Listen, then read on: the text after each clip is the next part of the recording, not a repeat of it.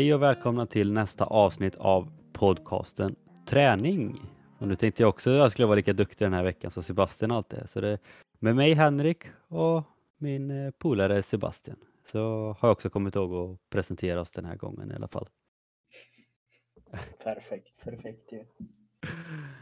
Eh, innan vi drar igång så vill vi bara tacka er för eh, sjukt många lyssningar förra veckan. Vi eh, nådde en all time eh, peak senaste veckan faktiskt. Både ja, Nils avsnittet är inte det mest spelade men det är mer spelat än många, många avsnitt och satte vi hela veckan så var ni väldigt många som lyssnade så jäkligt kul. Och hoppas ni fortsätter med det så hoppas vi kunna bjuda på mer bra material. Verkligen, verkligen. Och det är ju säkert också lite nya som faktiskt eh, har kommit in ser det ut som på statistiken här så det var nog bra att du drog igenom namnen där en gång till. Yes. Ja, precis. Det var exakt så jag tänkte. men men, hur har din vecka varit Sebastian? Ja, hur har min vecka varit? Den har eh, fortsatt och rullat på ganska bra faktiskt. Um, träningen är väldigt bra. Kan säga att jag blivit, eh, bara jag själv har blivit väldigt inspirerad för, från vårt förra avsnitt faktiskt. Eh, med Nils här. Så, du har bara suttit på cykeln nu i 20 timmar typ? Ja, nej, men jag har ju suttit jäkligt mycket på cykeln innan. Eh, för det har blivit min nya grej liksom att bara trampa ur de här minuterna liksom. Men nu fortsätter jag ännu mer med det. Men det som kanske är nytt är att jag har ju alltid sagt till mig själv att jag måste börja dokumentera bättre min, min egna träning liksom på något sätt. Eh, så det har jag tagit åt mig att nu var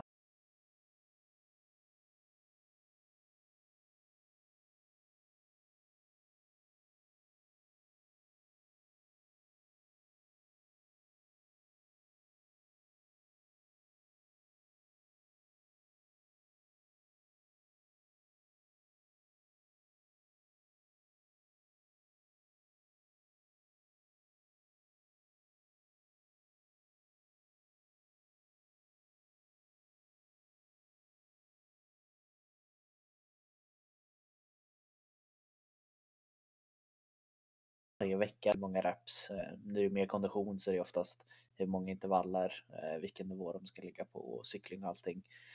Och eh, hittills har det känts jäkligt gött. Jag har ju tänkt att det har varit tvärtom att åh, det är jobbigt att ha koll på allting men det blir ju ännu mindre att ha koll på saker. Jag behöver ju bara gå dit, jag vet exakt vad jag ska göra. Jag behöver inte bry mig om någonting. Allting är klart och fixat och det känns fantastiskt. Ja, men det håller jag med om. Jag vet inte hur många pass man har åkt på som har kommit hit på, jaha, vad ska jag göra nu då? Och så kör, eller så kommer man på bara, men det vill jag göra, det är kul. Och så har man gjort det så bara, ja, nu då liksom. Ja, men lite där, men det har ändå så varit lite kul, men ja, men det här är, jag ska nog köra ett tag i alla fall här och för att verkligen få lite resultat. Men det blir också lättare att utvärdera sen när man vet vad man har gjort. Ja, men verkligen. Eh, ja, så det, det är det nya egentligen. Nice, nice. Hur har din vecka varit sen förra då? Jo, men det har varit fullt upp. Eh, jag hade min eh, första riktiga föreläsning i torsdags. Det vet inte jag om det nämndes i förra veckan. Jag vet att jag nämnde det i första delen som försvann, så jag vet inte om det togs med i det riktiga avsnittet. Men... Jag tror inte det. Nej. Jag hade en föreläsning förra veckan i alla fall för min gamla fotbollsförening om uppgiftsorienterat klimat och coach athlete relationship. Och det var väldigt kul. Jag har ju sagt det många gånger i podden tidigare att jag vill börja föreläsa och det här var ju egentligen ett första test om man säger så. så att, eh, och det gick jättebra, väldigt kul. Mycket bra diskussioner och härligt folk som var med. Utöver det så, ja, jag tränar väl mer nu än vad jag gjort på väldigt länge. Vilket beror på att eh, man får ganska mycket gratis träning på praktiken om man säger så. Eh, bara igår så var jag först iväg på ett eh, mysigt längdskidspass på eftermiddagen med, med mor när hon tog en friskvårdstimme. Och sen efter det så var det ett cykelpass på praktiken på kvällen. Inte riktigt lika mysigt. Det var 3 gånger 10 minuter i A3, det vill säga tröskelfart och sen med lite inslag av A3+. Så att jag var ganska mör och trött när jag kom hem sen på kvällen. Men, eh, då har man fått det gjort i alla fall. Man känner sig duktig efteråt.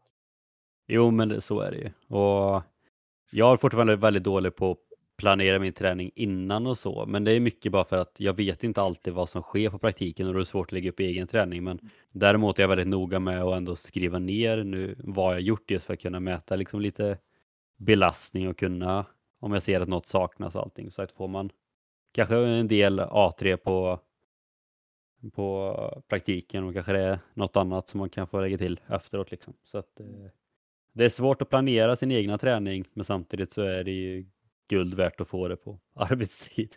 Ja, det går ju inte att få det bättre faktiskt. Nej, så att, eh, men det, det rullar på. Perfekt. Något vi inte får glömma som vi kan prata lite kort om det var ju faktiskt att vi har vi någon gång tränat i något? Jo, vi har ju tränat i lag tillsammans, men vi gjorde ju vår första handbollsträning nu. Ja just det, det hade jag redan glömt bort. och det, det var ju häftigt faktiskt att få för min del att komma tillbaka efter några år och för dig komma tillbaka från massor med år får man väl säga. Ja, jag, jag spelade väl ungefär i tre veckor när jag var typ åtta år eller någonting. Sen dess har jag haft ett uppehåll fram tills i söndags då. Så. Ja, så här, drar ett snäppet längre än Nils där och kommer tillbaka nu. ja. Men ändå lite sjukt. Jag, jag, jag kommer tänka på det när du sa nu då att vi, vi ändå har kört lagidrott ihop eller man säger varit i laget. Mm. Det är ändå lite sjukt för nu är vi alltså, ja, om det här nu fortsätter då, så har vi alltså spelat både i samma fotbollslag, samma amerikanska fotbollslag och nu samma handbollslag. Ja, det är nog inte många som har spelat ihop i tre olika sporter. Det är nog väldigt sant. Men jag tyckte det var så roligt som du sa också där under träningen och som jag verkligen vill att man ska ta med sig det här tänket att man kan träna på olika sätt. Eh, vi skrattade lite, det var liksom så här, det var ju första träningen för många och man blev lite trött och folk kanske inte riktigt var vana men jag vet du sa det att det är i alla fall bra intervallträning. Ja. Det, är det ju. Jag tror inte folk, eller man måste verkligen bli påmind om sånt att du kan träna genom egentligen bara kul. Hade jag gjort ett sånt inom parentes intervallpass på gymmet då hade jag ju eh, tyckt det var lite trökigt efter ett tag, självklart. Men nu var det liksom så här att man sprang fram och tillbaka massor med gånger, men bara utav att ha en boll i handen eller vi spelade även faktiskt lite fotboll, eh, det ska man inte säga, men det gjorde vi som lite uppvärmning. Att man, man tänker inte på att man springer fram och tillbaka och gör de här ruscherna liksom. Nej, nej, det var väldigt jobbigt. Vissa, vissa delar var sjukt jobbiga så att man bara sprang fram och tillbaka och sen vissa delar var det mer chill så sett. Men, ja, men det var jäkligt kul liksom och sen som sagt för dig som ändå spelat handboll typ hela livet så kunde du ta ganska stort ansvar och jag som sagt inte har spelat sedan jag var åtta år och sen inte har spelat sedan dess var det väldigt nytt. Det var första gången jag spelade med klister på riktigt. Alltså där, så att... Men det var, det var väldigt kul och mycket, en välkomnande grupp också får man ändå säga. Ja, det får jag vara beredd att hålla med om. Så det får vi uppdatera ifall det blir något mer, det hoppas vi. Jajamän, det, det tror jag. Ett pass till i alla fall. Men eh, ja, det var lite kort om det och nu ska vi gå in på dagens avsnitt. Och ja, det vet inte riktigt vad man ska kalla det riktigt, men det kommer väl att handla egentligen en del om rörlighet och om man kan vara rörlig på olika sätt och hur man kan träna upp sin rörlighet om det finns bra och dåliga sätt. Och vi kom väl egentligen in på det här bara för att Sebastian hittade en artikel som jämförde styrketräning och stretchning om det liksom vilket som var bäst för rörlighet och sen läste vi den och så började vi diskutera liksom lite att ja, men, ja, men när man gör det så känner man sig jätterörlig men om man gör det så känner man sig inte rörlig alls. Och hur kommer det sig att det är så? Så det är väl lite det vi ska diskutera helt enkelt. Eh, det vi kan börja med är lite bara dra igenom lite rubriken kanske eh, från den här artikeln då. Eh, och den börjar ju med att det är en väldigt så här klickvänlig artikel. Det var nog därför vi kom in på den. Men eh, det lyder så här då. Därför förbättrar styrketräningen även din rörlighet. Lite underrubrik så är det stretchingen är för många det givna första valet till en förbättrad rörlighet. Men faktumet är att flera studier visar även att styrketräningen kan ge lika bra effekt. Men man kan däremot säga att största förbättringen av rörlighet tycks komma från en kombination utav styrketräning och stretching. Redan också... där blev man ju väldigt intresserad, tänker jag. Ja, och vi kan också tillägga, för jag har för mig att vi tog upp en Q&A någon gång just det här angående stretchning, liksom att för jag vet att ja, framförallt mot träningsverk så finns det ju inte så mycket studier som visar på att det är så effektivt och liksom även mot rörlighet så har det också varit en del inom forskning liksom att ja, men är stretchning det bästa eller finns det andra sätt och liknande så att det var väl just därför den här rubriken liksom blev så lockande eller man säger bara, ja, men därför förbättrar styrketräning även i rörlighetsproblem. Bara, ja, men det är klart det gör liksom och sen när man kommer in i slutet och inser, också inser att styrketräning och stretching är ungefär lika, lika bra så blir man också liksom bara, var det, var det bara det de kom fram till nästan lite så att det var väl det vi kände också att känna att vi behöver diskutera. Vi, vi, vi vill diskutera det här med lite mer. Ja, men lite så faktiskt. Men man kanske kan dra lite kort om vad våra tankar är varför eh, man kan argumentera att styrketräningen är bättre än stretching och eh, tvärtom emot varför stretchingen är bättre än styrketräningen och det man kommer fram till i artikeln och studien att varför det är bättre liksom en kombination utav dem. Och sen så hoppar vi vidare lite.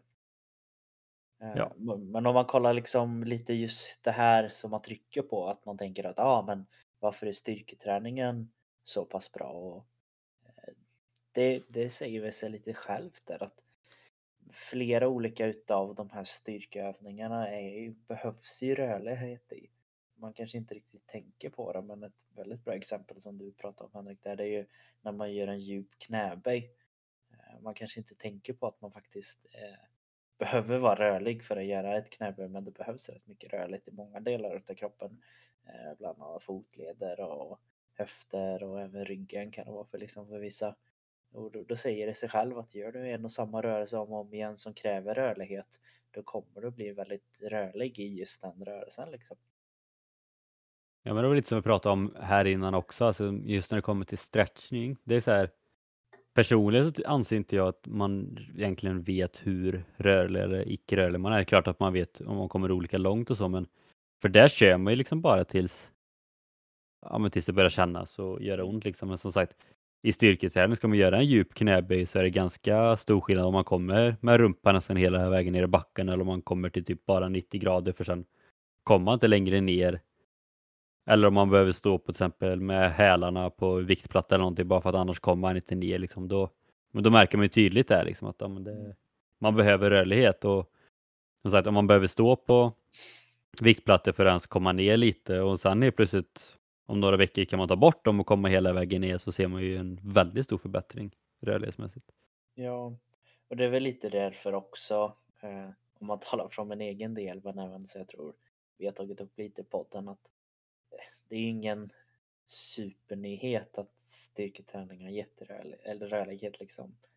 Eh, det har ju forskats om det och det kanske är mer det här att det har inte forskats jättemycket om det och just kanske jämföra de delarna. Även om det gjorts lite så behövs det alltid göras mer för man ska vara säker på det. Men jag tycker ändå så att det är, det är så pass intressant där att som de pratar att ska man säga en fördel då med att få upp rörligheten i styrkan det är att du både blir rörlig och dessutom blir lite starkare liksom så det, man kan säga att man kombinerar liksom två saker. Eh, så det är alltid bra men det, det finns även liksom lite nackdelar med det och det är det självklart i och med att styrketräningen är lite mer påfrestande än att bara ligga och stretcha. Nu är det även där att kroppen blir mer belastad och man blir mer, ja men den blir trött liksom på ett annat sätt. Eh, så det kan ju ta på kroppen då. Liksom. Ja, så vad som är bäst det är ju helt upp till var och en och beroende på vad, vad man har för mål och vad man vill liksom. Ja. Om man bara vill bli rörligare, rörligare ja, men då finns det ju massa olika sätt att göra det på. Men vill man lyfta tungt i knäböj, ja men då är det ju bättre att köra knäböj för att bli rörligare i knäböj än vad det är att stretcha. Liksom. Så.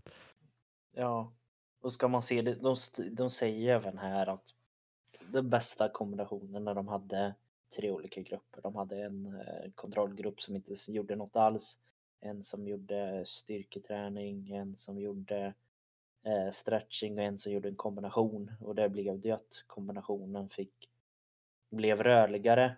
Men jag skulle väl säga att det är ganska självklart för man tänker logiskt på det.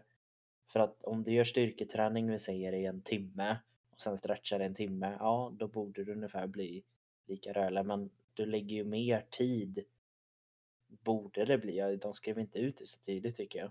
Men det borde bli att du, du lägger ner mer tid när du både styrketränar och gör stretching.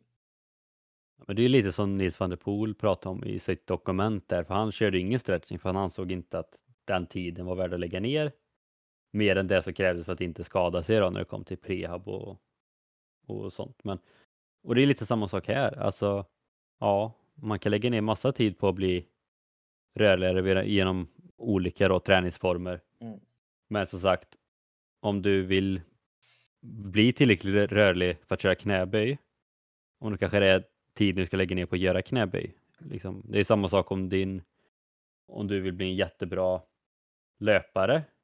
Ja, men då kanske det är bättre att lägga på tid för att springa än att köra både styrketräning och stretchning och så har du ingen tid att springa sen. Så som sagt, det, det finns så många olika faktorer att spela in. Ja, och det är det som kanske är det intressanta i det här för att eh, när vi som sagt kom igång med det här och började diskutera då kom det upp en ganska naturlig fråga liksom att eh, man kan ju vara rörlig som sagt på massor med olika sätt. Och det är liksom så här, vad, vad är verkligen rörlighet liksom? Att vad, vad kopplar man till det? Eh, något som jag tror att många tänker på det är så här, ja i alla fall när man säger aktivt och säger till någon att jag är rörlig, ja då tänker man ju de här klassiska att ja men du kanske kan gå ner i spagat och nudda dina tår liksom. Men sen så kan man ju också se väldigt så här om man ser kanske en vad ska man säga, en konståkare. Eh, nu kanske de kan gå ner i splitterspagat men om man tar som ett exempel som du sa det med styrketräningen, en, en styrkelyftare eller en olympisk lyftare. De som liksom slänger upp en vikt ovanför huvudet och bara kastar sig ner liksom och fångar den utan problem och liksom sitter med rumpan nere i marken. De är ju också extremt rörliga men det är kanske inte alla där som kanske riktigt kan gå ner i spagat liksom. Eh. Nej men alltså om man jämför lite som du sa, jämför en styrkelyftare med typ en yogainstruktör mm. eller en gymnast liksom. Alla kommer säga att om gymnasten eller den som håller på med yoga är, är sjukt mycket rörligare än vad styrkelyftaren är. Mm. Ja, på ett sätt kanske den är det, men sagt styrkelyftaren är ju rörlig på det den behöver. En gymnast är rörlig på det den behöver. Så det är också det är verkligen det med just olika sätt. För det var som vi pratade om här innan. Personligen, när jag stretchar, då känner jag mig jätterörlig för jag kan komma jättelångt ner och känna mina tår och allting. Och jag vet även när vi gjort sådana test på idrotten i skolan så var det också, då tror jag att jag kom precis över på överrörlig liksom. Men när jag kör yoga, där det är sådana här rörelser som jag liksom aldrig har gjort eller är väldigt obekväm i, där är jag hur orörlig som helst. Och då blir man ju åter så här, ja men hur går det ihop? Hur kan man vara jätterörlig när man stretchar fast jätteorörlig när man kör vissa yogapass liksom? Mm. Det är väl som sagt först. Jag ställde också den där frågan till dig innan att känner du dig, kan du verkligen känna dig rörlig? För jag känner mig aldrig rörlig liksom. Jag känner mig alltid så liksom stel och så.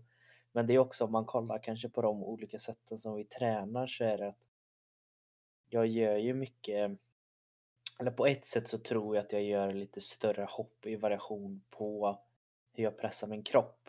Uh, nu ska jag försöka lägga upp det. Det är ju inget negativt liksom, men jag, jag vet inte hur jag ska förklara det. Men tar man dig då kanske det är ändå så löpning, cykling, någon form av styrketräning.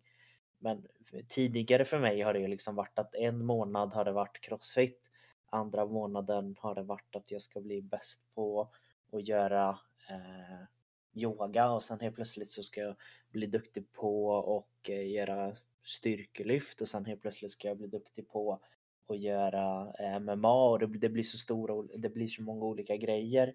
Vilket som du säger det där att tränar man inte på någonting tillräckligt länge då blir man ju inte rörlig i den grejen som man faktiskt vill vara rörlig på.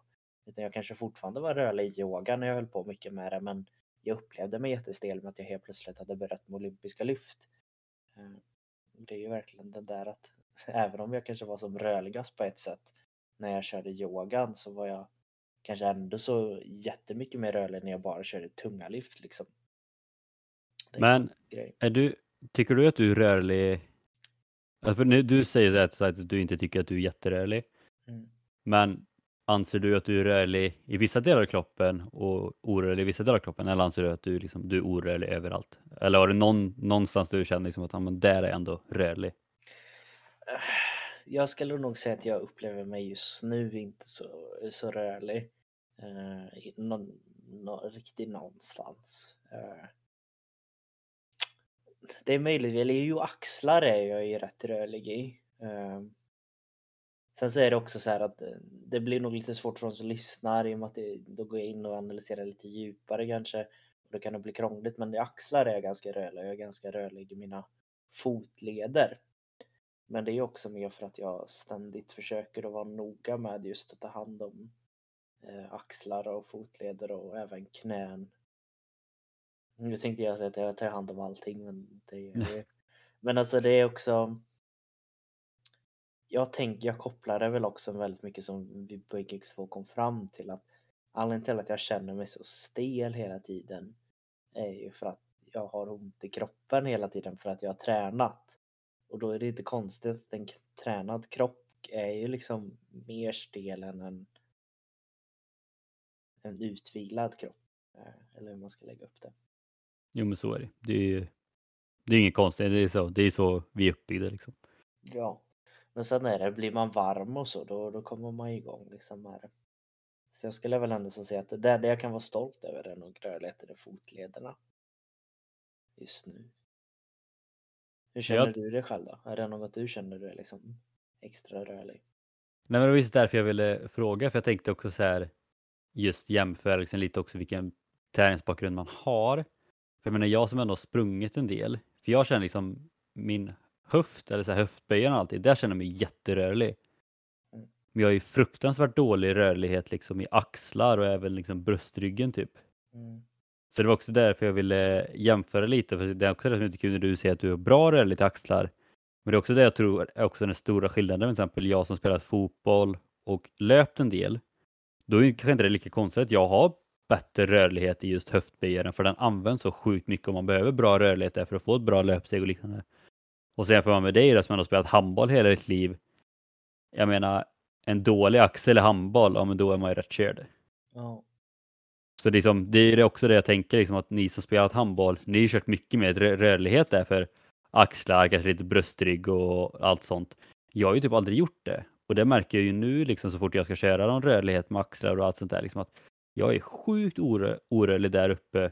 Men liksom, ju längre ner i kroppen man kommer, eller man säger, desto, desto mer rörligare blir jag. Mm. Och det är väl också det jag tycker är på ett sätt också ganska intressant men också relevant för folk som vill, eller säger att de vill bli rörligare. Just det, ja men varför vill ni bli rörligare? För det är också en grej som man hör ofta, liksom, jag vill bli rörligare.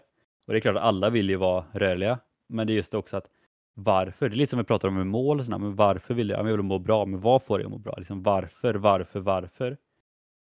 För det är så här, ja, jag känner att jag vill bli lite rörlig i axlarna, för, framförallt nu när jag ska bli handbollsproffs då. Men, eh, nej, men överlag så använder man ju armar och axlar väldigt mycket. Ja. Men jag menar typ som i min idrott, typ som, ja nu när jag börjat med OCR så kanske de behövs lite mer. Men jag bara på med löpning. Men det behövdes ju inte det. Och då blir det ju samma sak där. Hur mycket tid ska man lägga ner på det kontra det som jag anser är viktigt? Och det är lite där då som jag tänker att även ni som lyssnar ska behöva tänka som känner att ni vill, vill bli rörigare. Att ja, men är samma sak i vardagen. Försök i så fall tänka vilka grejer i vardagen är det som ni har svårt med på grund av rörligheten och försök fokusera på de bitarna i så fall. Att göra de grejerna för att bli bättre på det.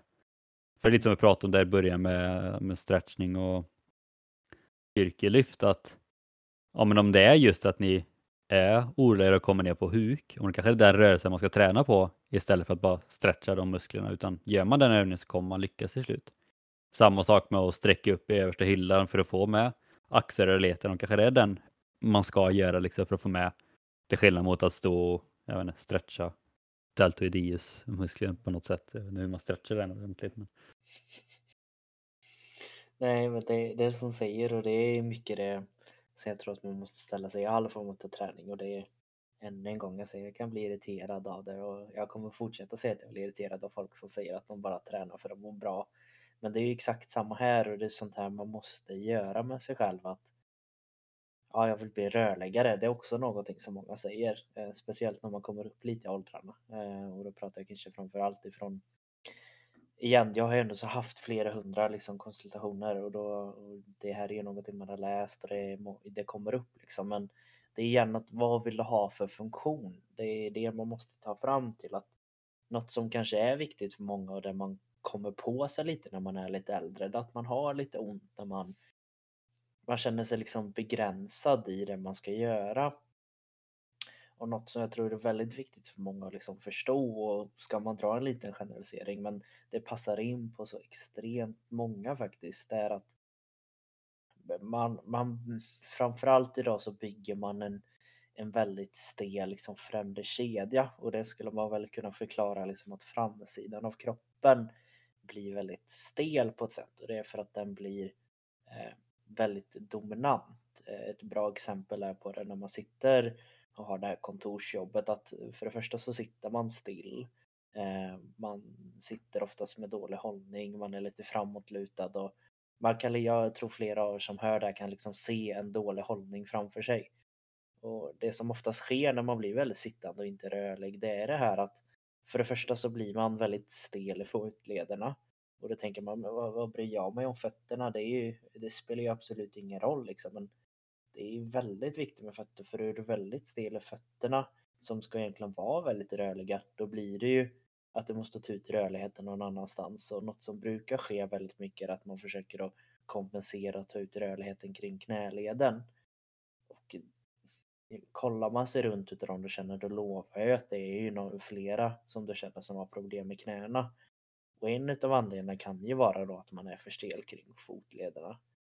Eller Eh, fortsätter den, vi har gått igenom den här kedjan tidigare, men blir man stel i fotleder då blir man försöka ta över rörligheten i liksom knäna och då knäna inte riktigt gjorda för det. Men när knäna är liksom lite för rörliga då försöker man istället låsa det kring höften.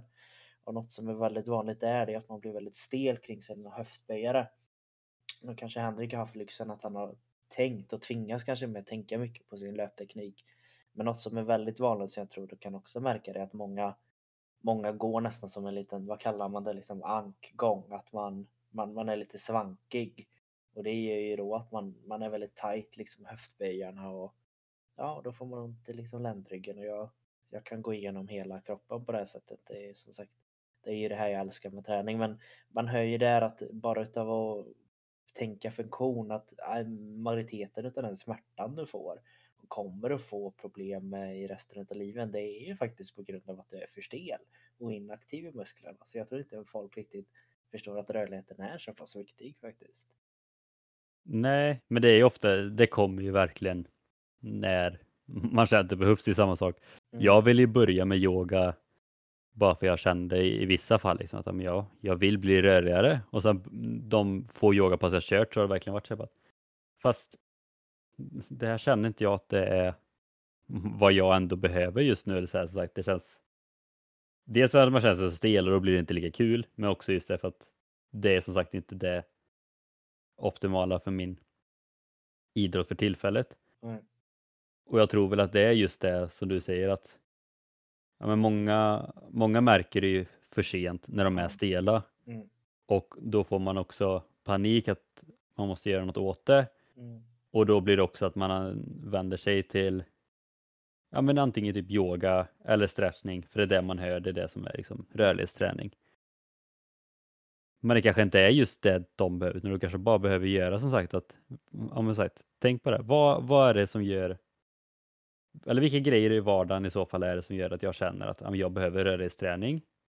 Och sen då som Sebastian sa det, så då kanske det är värt att tänka också att vilken del är det då som. Mm kanske det felar på? Och det går ju att ta hjälp av sjukgymnaster och osteopater och allt möjligt också om man känner att det är lite svårt själv. Men just det också att verkligen försöka hitta ja, men vart felet sitter. För det är sagt, även om man känner det någonstans så behöver inte det betyda att det är just det som man behöver träna rörligheten på utan ja, men är man stel i höften och kanske är fotlederna man behöver träna på. Ja, det, det kan vara så faktiskt. Men ska man ge något tips här för att faktiskt, ja, det kan vara väldigt enkelt. Det är ju faktiskt, ge bort lite mina secrets här. Jag tar reda på grejer jag hade kunder. Men Ja, lyssna väldigt- på han som säger att han är jättestel här. Ja, ja. Nej, Jämfört med, med många andra så är jag ganska rörlig. Men i alla fall, eh, man brukar alltid säga att eh, man lever aldrig som man lär ut liksom. Eh, det Sant. kanske jag inte säger, men det säger jag. Gör, gör som jag säger, inte som jag gör. Ja, men faktiskt det är så är det. Något som är väldigt bra och något som man kan tänka på och se om man men är jag stel? Och men man kanske inte orkar att göra så här, hur ska jag ta reda på det? Men ett jättebra, du, du behöver egentligen bara göra två test. De kan du göra medan du lyssnar på det här om du inte kör bil eller så. Men eh, är du fri, du kan stå upp, då kan du göra de här testerna snabbt. Första testet är att du sätter dig på huk. Kan du sätta dig på huk? Det- Och det betyder egentligen, kan du liksom sätta dig ner och nästan få ner rumpan till marken utan att du går upp på tå. Kan du inte göra detta utan att du får ont någonstans, vi säger kanske i knän eller det kan till och med vara rygg eller vad som helst.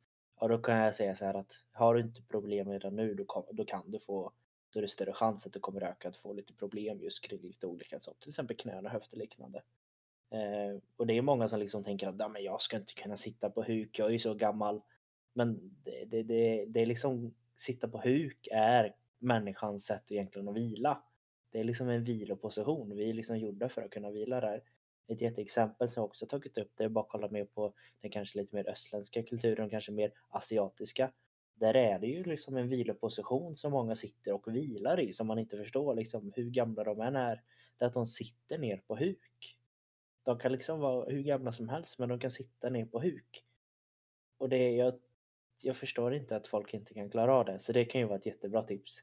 Att börja med det liksom.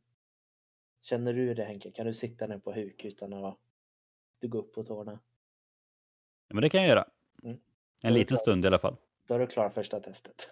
Yes! Andra testet, eh, det, hur dumt den låter, det är att stå rakt upp. Lyft händerna rakt ovanför huvudet. Kan du få upp armarna rakt ovanför huvudet? De flesta utav er kommer att fnysa och bara, ja det är klart att jag kan göra det, det är inga problem. Och så testar man att göra det och då kommer man att se, är det lite svårt så kan man också ställa sig i en liten spegel och faktiskt kolla men många utav er kommer inte riktigt kunna hålla armarna rakt upp utan de kommer vara lite fram eller en arm kommer vara lite vinklad eller så kommer det liksom vara den här klassiska åh nej åh. Och det är samma där att klarar du inte att hålla upp armarna ovanför huvudet. Eh, antingen är det för sent kan det vara i tråkiga fall eller så kan det bara vara så att då måste du göra någonting för annars så kommer du få mycket problem kring axlar och skulderblad liksom. Det är också ett jätteenkelt sätt men det ger ett väldigt bra hum. Och är det så att du inte kan göra något utav de här utan att få ont så antingen är det ju som sagt tråkigt att du kanske har en skada du vet om det och det är kanske inte så mycket man kan göra om det. Men har du, vet du inte med dig att du har någon skada utan du bara känner att du inte klarar av de här då rekommenderar jag att du ska göra något åt det. Jag skulle säga att det är fan precis att jag klarar den. Alltså.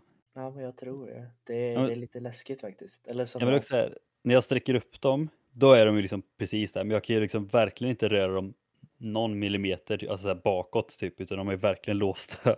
Mm.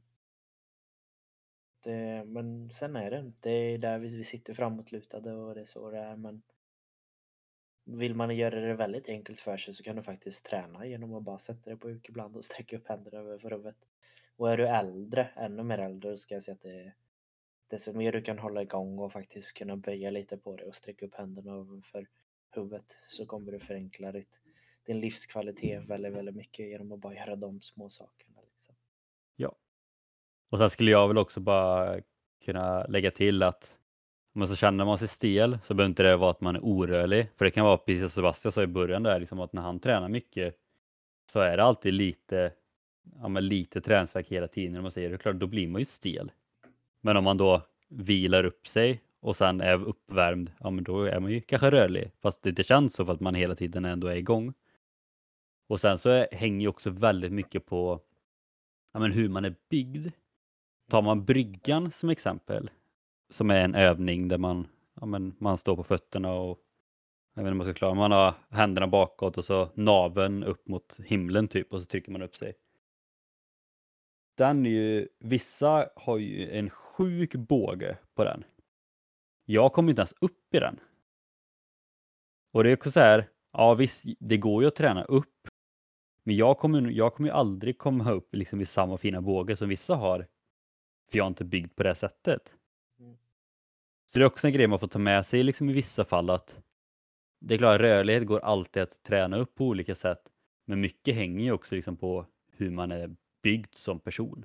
Alltså så att vissa har genetiskt liksom jätterörliga leder och skelett medan vissa kanske är mer byggda att de är liksom lite mer ja, men, stabilare rör om man får säga. Så att Mm. det är också det som är svårt med rörlighet, just att veta vad är rörlighet, vad är stelhet och vad är liksom träningsverk och bara att man är så liksom. Det är svårt. Det är väldigt svårt. Men hur, hur känner du att du har liksom gjort tidigare? Har du aktivt gjort någonting för din rörlighet liksom? Eller har det mer bara blivit en litet tillägg som du har gjort när du har haft lite tid? Jag har väl egentligen aldrig kört rörlighet. Så det har ju varit när jag har sprungit, de har ju, då har det ju varit en del mycket på uppvärmningen då. Man köpt lite typ löpskolning och det har ju liksom aktiv rörlighet om man får säga. Och sen samma sak jättemycket med just typ höftböjaren och rotation och sånt för höften just för löpningen då. Men det, det är ju liksom ingått i uppvärmningen. Men i fotbollen så har vi ju inte kört typ någon rörlighet. Eh, och ja, ibland så har jag väl kört ibland med en sån här pinne och kört lite liksom. Men, nej, men sagt, jag har egentligen aldrig kört någon riktig rörlighet. Så att jag har ju tjatat i nästan ett år att jag ville börja med yoga, körde några pass. Kände att nej, det, det var inte kul. det är samma sak där, liksom, jag har egentligen aldrig kört rörlighet, även fast jag har sagt massa gånger att jag borde köra rörlighet. Men det har också varit för att jag har lagt det fokuset ja, men på annat istället. Och ja, som sagt, jag är inte direkt- alltså jag klassar mig inte som stel, så uppenbarligen så har det ändå funkat. Som sagt, det jag ändå kan vara lite stel, ja, men det är axlarna då. Men som sagt, har man aldrig liksom använt dem så är inte det jättekonstigt. Nej. Men du har väl kört lite rörlighet ändå eller? Mer Alltså, än mig i alla fall. Ja, jag skulle vilja säga så här att jag, jag har nog kört rätt mycket rörlighet på Ja. olika sätt. Kollar man rörlighetsmässigt Du har ju varit Innan- handbollsmålvakt. Ja, liksom. innan, innan handbollsmålvakt, nej det existerar inte. Eh, utan jag var väldigt, väldigt stel då. Men det är också lite samma där att det var liksom inget fokus. Jag behövde inte vara superrörlig för att kunna vara tung på linjen och vända mig om. Jag var fortfarande rörlig i axlar och sånt och det, det var jag. Men sen så var det kanske lite mer där när jag var handbollsmålvakt så körde vi aktiv väldigt mycket liksom eh, väldigt hård töjning liksom. Att det var att man la upp benen på varandras eh, axlar och sen så skulle den trycka sig uppåt och verkligen så här töja ut så mycket som det gick. Det gjorde ju svinont men det gav ju resultat. Och sen körde vi ju väldigt mycket rörlighet eh, för axlarna då. Eh, kanske framförallt när jag gick den här gymnasiet där vi spelade lite handboll. Då körde vi jättemycket rörlighet för axlarna. Och verkligen samma där att vi töjde verkligen ut. Och jag, det går väl att diskutera om man tyckte att det var för mycket eller inte men eh, så det var det. Men egentligen så tror jag att mest rörlighet var kanske de sista tre åren som jag var som personlig tränare.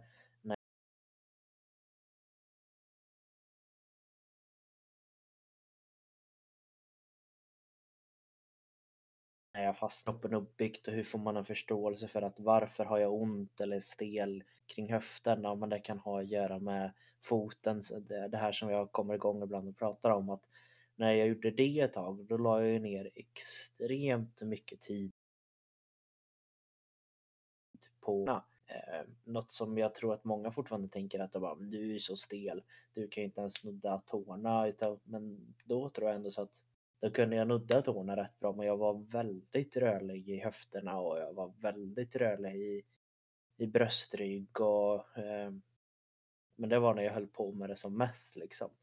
Och kanske framförallt kring höfterna för det tyckte jag ju var roligast att göra de rörelserna. Eh, och då körde jag ju kanske rörlighet minst två, tre gånger per dag på grund av gruppträningspass och egen träning och sen visar jag ju alltid alla kunder det här i och med att det var min grej. Det här med att fixa liksom en jämn balans i kroppen så där kanske jag hade sex kunder på en dag och varje kund så visar jag kanske sammanlagt kanske 10 10 minuter lite här och där hur de skulle göra med olika rörelser så jag har nog ändå tränat en del rörlighet. Inte stretching men rörlighet har jag tränat mycket. Ja, vi har skämtat lite om det också, bara säga att ja, Sebastian har varit yogainstruktör, det kan man inte tro. Nej, men det är, man upplever inte mig som rörlig och det, det är, jag säger ju själv att jag inte är rörlig men det är ju för att jag är en gubbe liksom att jag, jag reser mig från stolen och bara åh nej, åh, det gör så jäkla ont. Och sen helt plötsligt så kan jag ändå så sitta liksom och vara rätt rörlig och flippa runt mina höfter och röra mig där och gå ner på skott och i jättedjup liksom nästan astrograss. Så det, det är igen, vad är rörlighet liksom? Men jag tänkte också på just den, för många brukar också säga liksom där, ja, men är du rörlig eller inte, ja, kan du nog drena hår? Just ja. den övningen. Mm. Men den är också så här, ja men har du korta ben och långa armar eller har du långa ben och korta armar? Eller så här, det spelar också, liksom jag har ganska långa armar så det är kanske inte jättekonstigt att jag har ganska enkelt nå ner till mina tår. Liksom. Nej men den är ju den klassiska och jag är liksom så här, jag har ju väldigt jag har ju väldigt korta ben eller armar eller kort. Eh, jag har korta armar och korta ben, jag är ju kort men jag är ju väldigt så lång överkropp vilket gör att jag får fälla mig ganska långt ner för att nudda. Och sen så är det ju samma där, bara lite avstickare igen att jag har ju alltid upplevt stelare än men det är bara för att koppla det till er som lyssnar att bara för man kanske inte klarar en övning som i det här fallet ska vara liksom eh, baksida lår, då kan det ju också egentligen, eller hamstring, men baksida lår kan man tänka, men då kan man förstå att ah, men det kanske beror på något annat. Och ett uppvaknande för mig var ju när jag för första gången kanske fick en lite duktigare fystränare som gjorde lite tester och sånt på mig och då skulle jag göra den här klassiska liksom att nudda tårna. Den är ju så klassisk det bara kan bli. Men så gjorde han lite mer tester och sånt och han liksom kom ju fram till att ja, men anledningen till att du får så extremt ont, alltså jag får ju jätte, jätteont när jag ska stretcha baksida lår.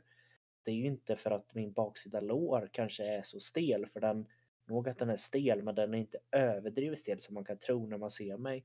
Utan det är att jag har en väldigt, väldigt tight ischiasnerv, alltså en väldigt lång nerv som sitter liksom Eh, ut med kroppen och den är så extremt, den är jätte, jätte Vilket gör att jag får jätte, jätteont liksom egentligen att bara sitta med raka ben så stramare. Och då kan man tro det så, haha Sebastian är jättestel, men det är ju den här nerven som är lite konstig för mig. Så man kanske inte liksom ska kolla svart och vitt på att jag kan inte göra den här så då är jag stel baksida lår utan det kan vara något helt annat liksom.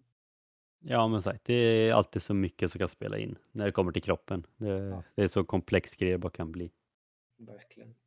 Men innan vi avslutar så har jag bara en sista fråga till dig. Mm. Hur går det i tävlingen mellan dig och Natasha om att gå ner i spagat eller vad hon skulle göra? Just det.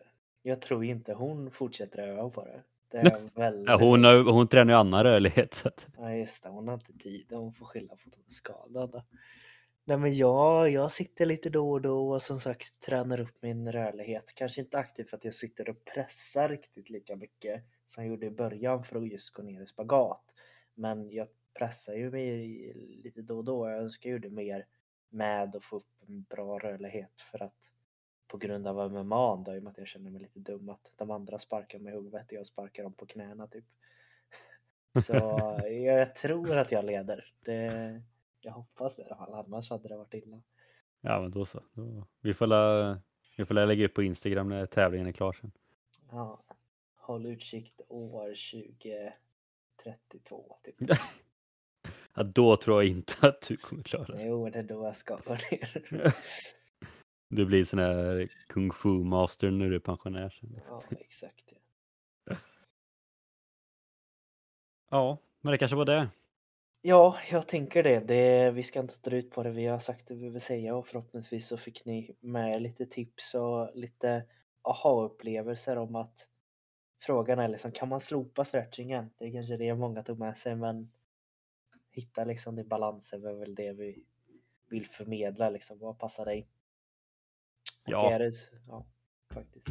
Ja, men just stretchning är alltid sånt ja, men det, det är jättebra eller bara nej, det är katastrofalt. Men sagt, alltså forskningen är så tudelad. Det finns studier som visar att det är bra och det finns som visar att det är dåligt. Liksom, det, fin- alltså, det är en sån komplex träningsform eller vad man nu ska kalla det så att det är liksom svårt att veta. Så att vill du bli bättre på att styrketräna, kör styrketräning för rörlighet. Vill du köra yoga, kör yoga. Vill du ut och springa, men kör löpningsrörlighet. Alltså sagt, mm. Vill du bara sätta dig på golvet, sätt dig bara på golvet. Även, det behöver inte vara så komplext när det kommer till rörlighet utan träna. Det, det är klassiska, träna på det du vill bli bra på. Ja.